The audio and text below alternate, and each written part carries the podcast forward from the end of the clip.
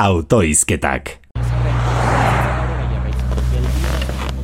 Begira jozu hor, kopilotuaren eserlekuan eroso talasaietzan da. Bere azken eguna, iristear dagoela jakin gabe. Ze gutxi falta zaizun nire lagun zintzo hori. Lehenago edo geroago agur esateko eguna heldu behartzen. Hala ere, onain iritsi garenez, onartu beharra dugu asko eman diguzula.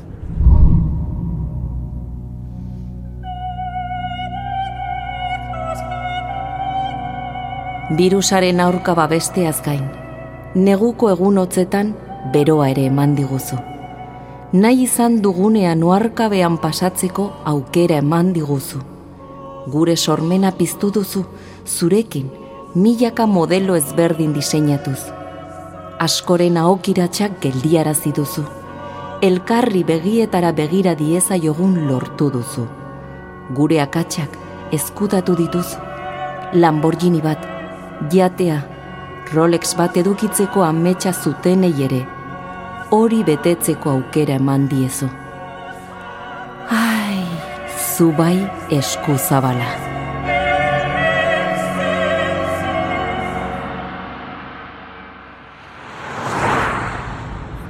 Lagun, baina badira zugandi banatzeari uko egiten diotenak.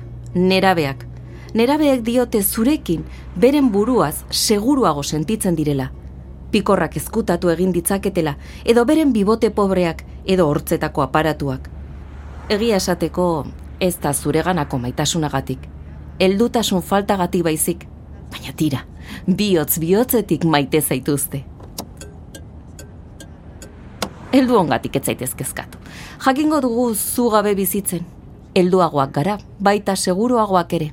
Baina gure barruan, oso, oso, oso barruan, min ematen digun arren, zu atzean ustea lasaigarria da. Bestearen irribarrea ikusi ahal izateak ez du preziorik. Aintzanek adibidez, zure agurra era berezian prestatu du. Dentistaren gana joan da. Eta dirutza utzi du hortz perfektuak eta profident irribarre zuri nuklear bat prestatzen. Horretaz gain, Espainetan botosa jarri du. Sudurrean ukituren bat egin du eta belarrietan ere bai. Zeantza, belarriak aurrerantz utzi dizkiozu. Hori bai dela zugandik aldentzea, ilusioz eta heldutasunez onartzea. Berak, birjaiotze berria esaten dio. Eta birjaiotzea zari garela. Espero dut agur esaten duzunean luzerako izatea, eta ez berpiztea hirugarren egunean.